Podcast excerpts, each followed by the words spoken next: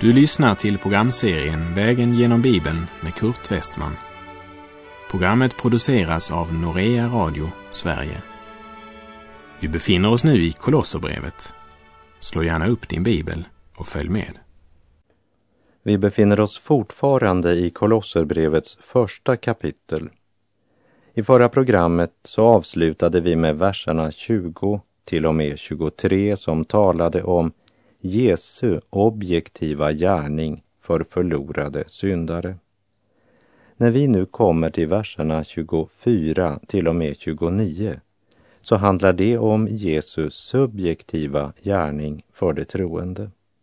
Och här skriver Paulus om sina lidanden, inte för att klaga eller väcka medlidande, men för att visa en ny sida av Kristusgemenskapen vi läser Kolosserbrevet 1, vers 24. Nu gläder jag mig mitt under mina lidanden för er och det som fattas av Kristus lidanden uppfyller jag i mitt liv för hans kropp som är församlingen. När Paulus talar om det som fattas av Kristus lidanden så är det inte något som fattas när det gäller Kristi frälsningsverk och det Kristus led som straff för din och min synd. För det sista Kristus sa innan han andades ut och dog på korset var dessa tre ord. Det är fullbordat. Här vill jag påminna om vad Jesus sa till sina lärjungar i Johannes 15, verserna 18 till och med 21. Om världen hatar er ska ni veta att den har hatat mig innan den hatat er. Om ni vore av världen skulle världen älska er som sina egna. Men ni är inte av världen, utan jag har utvalt er och tagit er ut ur världen. Därför hatar världen er. Kom ihåg att jag har sagt, tjänaren är inte för mer än sin herre. Har det förföljt mig ska det också förfölja er. Har det bevarat mitt ord skall det också bevara ert ord. Men allt detta kommer det att göra mot er för mitt namns skull, därför att de inte känner honom som har sänt mig. Och till sin unga medarbetare Timoteus skriver Paulus i Andra Timoteusbrevet 3, verserna 10 till och med 12. Men du har följt mig i lära och liv, i föresats och tro, i tålamod, kärlek och uthållighet under alla de förföljelser och lidanden som drabbade mig i Antiochia, Ikonum och Lystra. Vilka förföljelser har jag inte fått utstå? Och ur alla har Herren räddat mig så kommer också alla som vill leva gudfruktigt i Kristus Jesus att förföljas. Världen hatar Kristus, hatar sanningen. Och den människa som genom Guds ord och Guds helige ande blivit född på nytt och lever ett gudfruktigt liv får också helt konkret del i lidandet eftersom samma gudsfientliga krafter fortfarande är verksamma.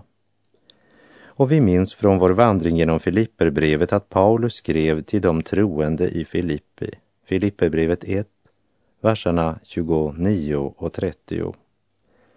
Ty för Kristi skull har ni fått nåd, inte bara att tro på honom, utan också att lida för hans skull eftersom ni har samma strid att utkämpa som ni såg att jag hade och nu hör att jag har. Och vi ska vara klara över att Paulus sitter i fängelse när han skriver brevet.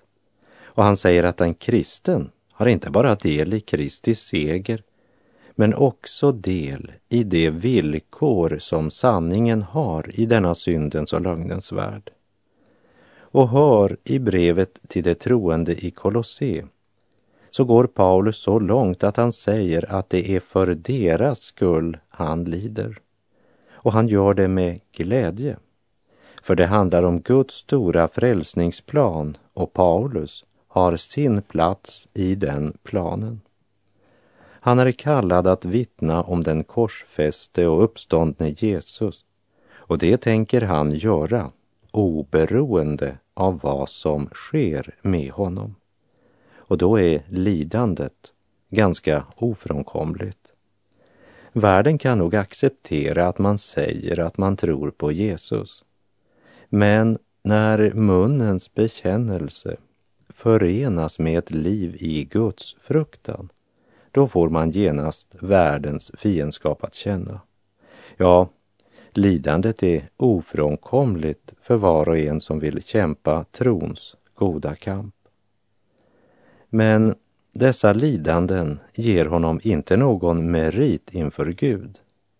Han bidrar inte på något sätt till sin frälsning och det finns inte heller något att tillägga till det verk om vilket Jesus på korset utropade det är fullbordat. Men just därför att allt är fullbordat och Paulus har mottagit syndernas förlåtelse och den helige Andes gåva och lever och vandrar i anden. Därför möter han motstånd. Det var ju ingen hemmagjord Jesus Paulus följde. Men det var den Jesus som profetskrifterna vittnade om, som Paulus följde. Det var den Jesus som i Matteus 10, verserna 38 och 39 hade sagt följande. Den som inte tar sitt kors och följer mig är mig inte värdig. Den som finner sitt liv skall mista det och den som mister sitt liv för min skull skall finna det. Och Jesus säger också i Johannes 16, 33. Detta har jag talat till er för att ni ska ha frid i mig. I världen får ni lida, men var vid gott mod, jag har övervunnit världen. Och det är uppenbart att Paulus tror Jesu ord. Jesus har mycket tydligt sagt att en Jesu lärjunge får lida här i världen. Men när de lider ska de vara vid gott mod, sa Jesus, för han har övervunnit världen. Paulus tro på Jesus var mera än en teori. Det förstår vi när vi läser Kolosserbrevet 1.24 som säger Nu gläder jag mig mitt under mina lidanden för er. Och det som fattas av Kristus lidanden uppfyller jag i mitt liv för hans kropp som är församlingen. Och så fortsätter han i vers 25. Dess tjänare har jag blivit i kraft av det uppdrag Gud har gett mig för er räkning, att överallt predika Guds ord. Paulus säger att han är församlingens tjänare. En pastor eller evangelist är inte församlingens herre, men församlingens tjänare. Och det är inte något man bara bestämmer sig för, men något man blir i kraft av det uppdrag Gud ger för församlingens räkning, att överallt förkunna Guds ord. Och det försöker vi i Norea Radio att göra. Att överallt förkunna evangeliet om Jesus genom våra bibelprogram på olika språk, som till exempel Vägen genom Bibeln här i Sverige, eller vårt arabiska program för Egypten och andra arabiskspråkiga länder, och programmen på farsi till Iran, våra kinesiska program, indiska program och så vidare. Vi önskar att överallt förkunna Guds ord.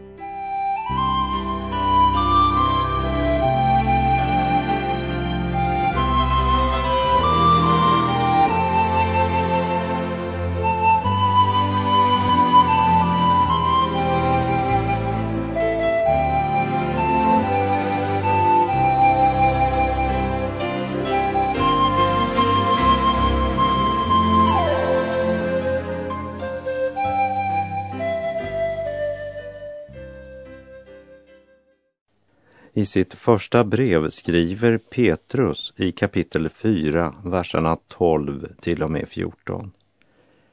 Mina älskade, var inte förvånade över den eld som ni måste gå igenom till er prövning, som om det hände er något oväntat.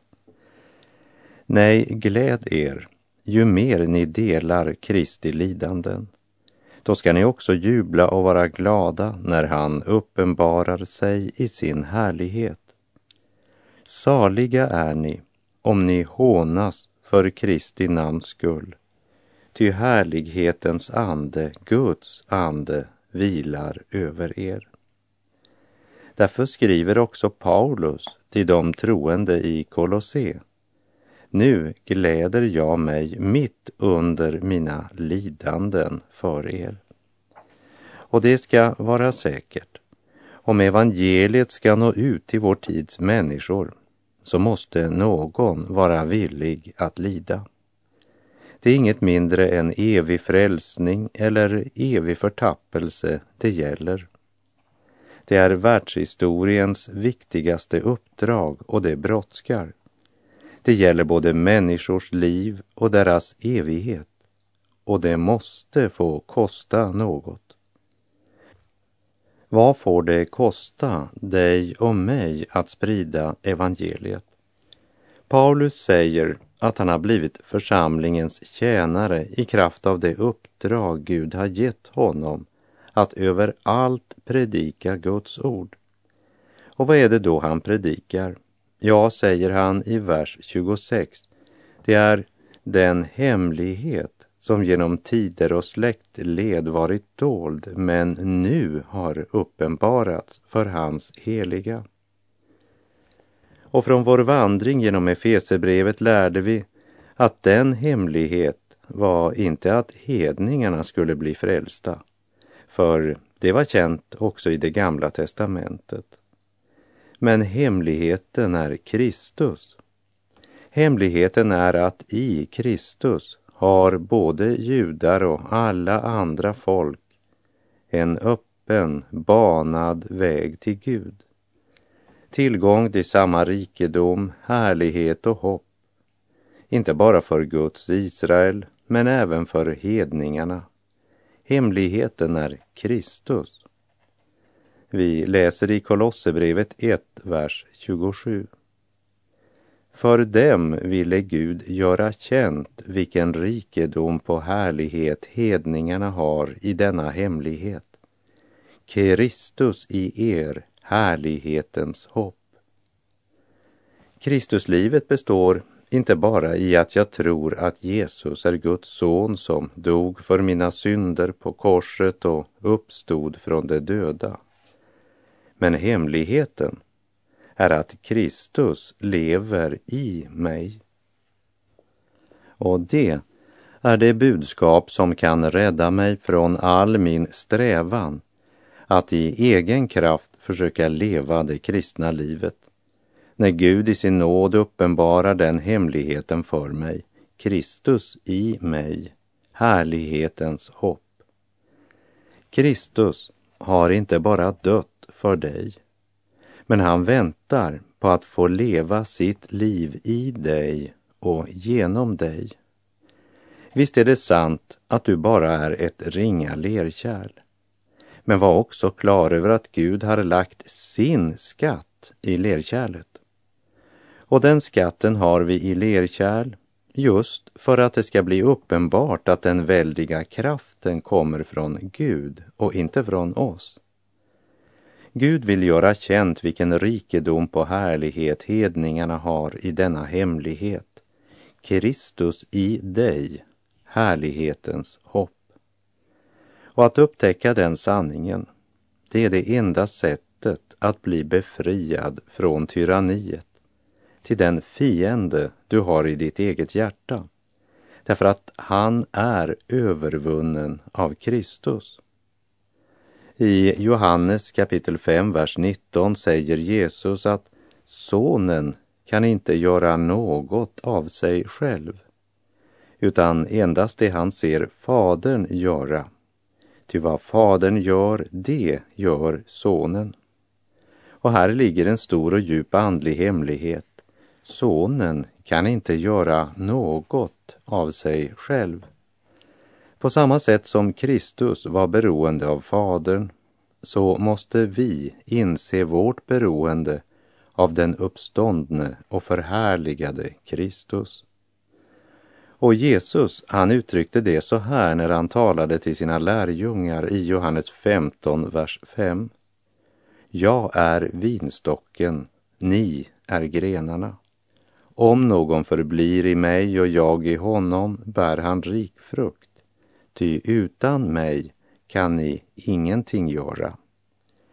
Att vara ett Guds barn, vara en Jesu efterföljare, det betyder att du blir fullständigt beroende av Kristus i dig.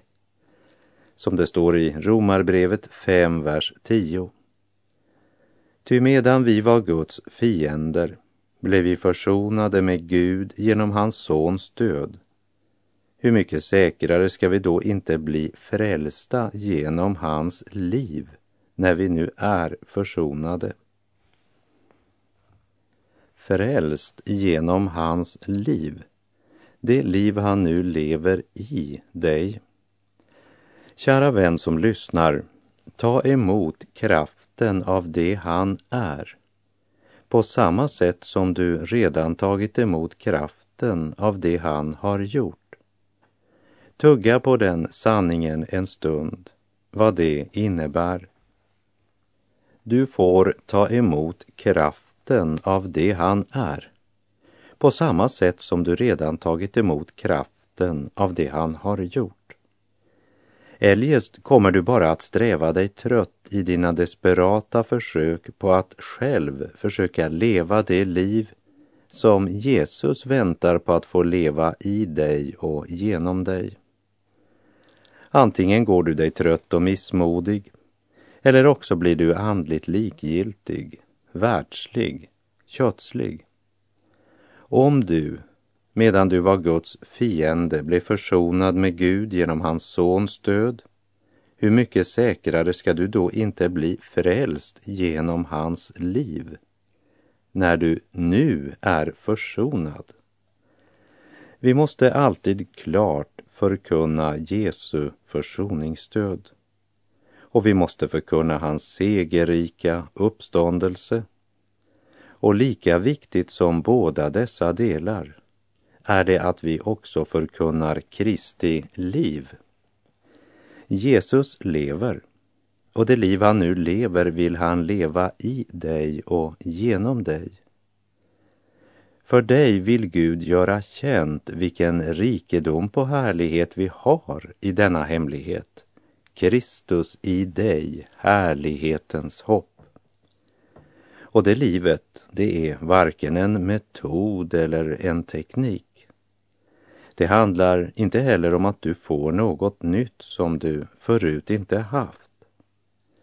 Men det handlar om att Gud får uppenbara denna hemlighet för dig, vad du redan äger i Kristus. Och jag upprepar, du får ta emot kraften av det han är på samma sätt som du redan tagit emot kraften av det han har gjort. För dem ville Gud göra känt vilken rikedom på härlighet du har i denna hemlighet, Kristus i dig, härlighetens hopp.